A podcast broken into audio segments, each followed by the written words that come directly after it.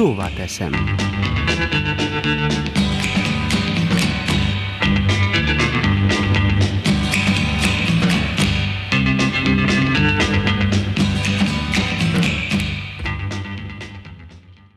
Kedves hallgatóink, jó napot kívánok!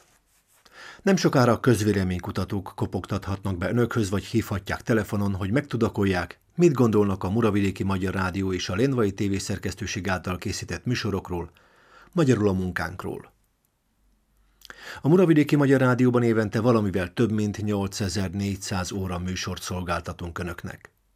Reméljük, mindenki megtalálja a kedvére valót, hiszen szinte lehetetlen mindenki ízlésének eleget tenni, de azért mi megpróbálkozunk a lehetetlennel is.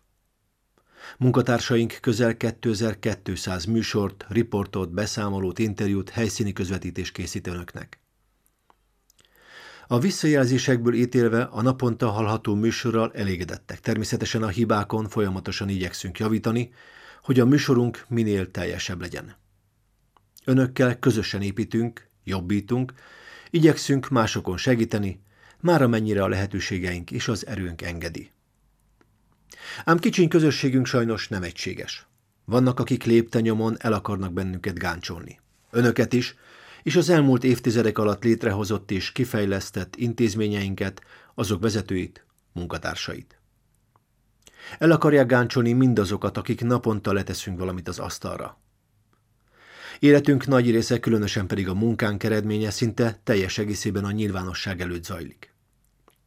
Naponta hozunk döntéseket.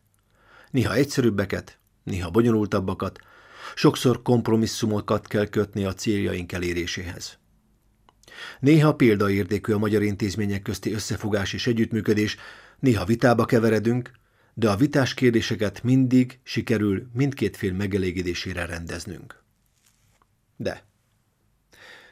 És most is ott van az a fránya de. Tudunk-e összefogást tanúsítani azokkal szemben, akik romboló szándékkal néznek mindenre? Akiknek semmi sem szent, akik, ha kell, másokon átgázolva is a legrontóbb szándékkal tennének tönkre embereket, egyesületeket, intézményeket, csak és kizárólag egyéni céljaik és anyagi hasznuk eléréséért.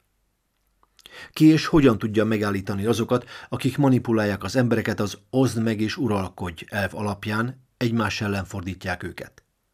Akik kihasználják mások jóhiszeműségét, akik képtelenek bármilyen kompromisszumra és akik nem egyszer törvényekre hivatkozva sértenek törvényt, és folyamatosan mások zsebében kutakodnak, miközben a saját bevételeik nem átláthatók, mondván nekik ehhez joguk van, mert a törvény ezt lehetővé teszi. Nem egyszer anonim feljelentésekhez folyamodnak, mert névvel és címmel nem merik vállalni tetteiket. Mert még ehhez is gyávák. Vajon lesz-e valaki, aki megállítja ezeket az embereket? Van-e közös erő? Lehet-e közös összefogás? Jó, magam úgy látom, hogy van. Szép példa erre az a sok nyári rendezvény, amelyet a Muravidéki Magyarság szervez. És ha máskor is így össze tudunk fogni, annak meg lesz az eredménye.